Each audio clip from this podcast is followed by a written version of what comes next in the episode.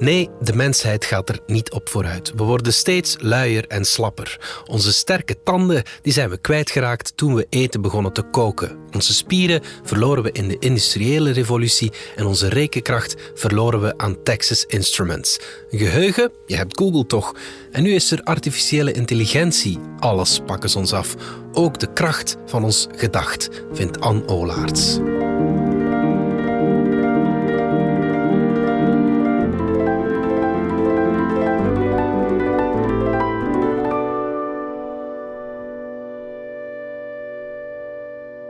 De kracht van ons gedacht. Alles pakken ze ons af. Nu ook de kracht van ons gedacht. Artificiële intelligentie is een nieuw orgelpunt in onze miserie. Het begon lang geleden met onze slagtanden. We zijn ze kwijt. Bijtvermogen nul. Ingeruild voor vuur- en kookkunsten. Voortaan is alles mals. Spieren hebben we ook niet meer. Ingeleverd na de industriële revolutie ocharme voor de pk van een stoommachine.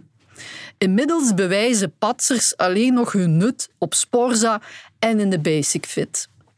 Rekenkracht verkocht aan Texas Instruments. Wie nog wortels uit het hoofd kan trekken, loopt achter op de tijdrekening. Oriëntatie is een kwestie van GPS en satellieten.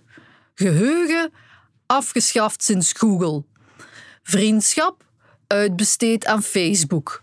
Goede smaak zit bij Spotify.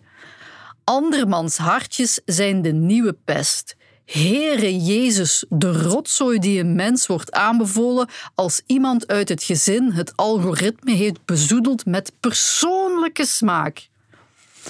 Artificiële intelligentie neemt ons hele wezen over. Het enige wat ons binnenkort nog wordt gegund is hulpeloosheid. Een nieuwe diersoort worden wij. Homo miserabilis miserabilis. Met onnozele hoektanden ook nog. Het is janken, het is jiemeren. Want de kracht van ons gedacht is in gevaar. Wij dreigen onszelf te verliezen aan software. En als we niet oppassen, aan Chinese software. Dwaling is het. De kracht van ons gedacht staat al duizenden jaren als een huis. Alles blijft bij het oude. Het geweeklaag over AI laat zien wat wij in wezen zijn: arrogante apen. Wij leren niks, wij onthouden niks. Altijd, altijd, altijd menen wij exclusieve tijden te beleven. Geschiedenislessen zijn een oude pest. Schaf dat af.